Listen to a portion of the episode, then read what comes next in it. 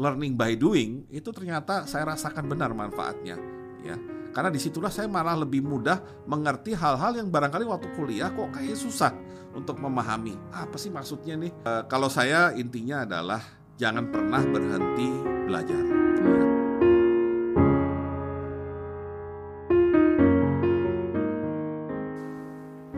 Apa yang ada di pikiran kamu ketika mendengar kata belajar? Ada yang bilang belajar untuk mendapatkan nilai. Ada yang bilang belajar untuk mengembangkan kapasitas diri. Ada juga yang bilang belajar untuk meraih prestasi. Dari Bambang Brojonegoro kita bisa belajar untuk mencintai belajar.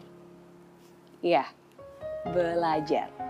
Belajar bukan hanya ketika diberi tugas, tapi lakukan dengan kemauan dan antusias. Karena itulah yang akan membawa kamu naik kelas. Hidup selalu penuh dengan kemajuan dan perubahan. Jangan sampai kamu ketinggalan. Setiap hari selalu ada saja hal yang baru.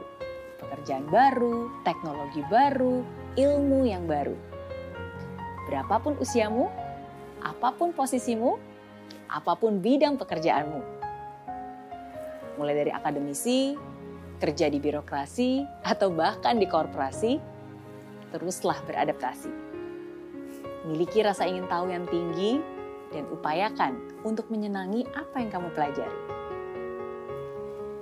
Terkadang kita juga perlu berani untuk mencoba tantangan, keluar dari zona nyaman, dan hidup di luar kebiasaan untuk bisa meraih kesuksesan. Dari Bambang Brojonegoro kita juga diingatkan agar tidak terjebak dengan pekerjaan yang tidak menyenangkan. Bayangkan, jika setiap pagi kamu harus melakukan sesuatu yang tidak menyenangkan. Wah, pastinya akan sangat melelahkan. Lakukan pekerjaan yang kamu suka bukan karena terpaksa hanya demi mencari uang semata.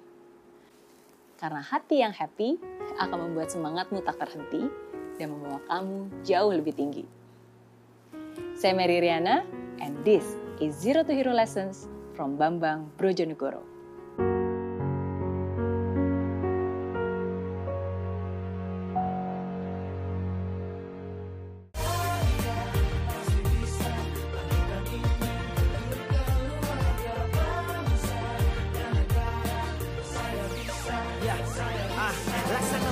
Tanpa hujan Hidup tanpa tujuan Kering dan mati tanpa hijaunya tumbuhan ah. Demikian kalau mimpi tak kunjung terjadi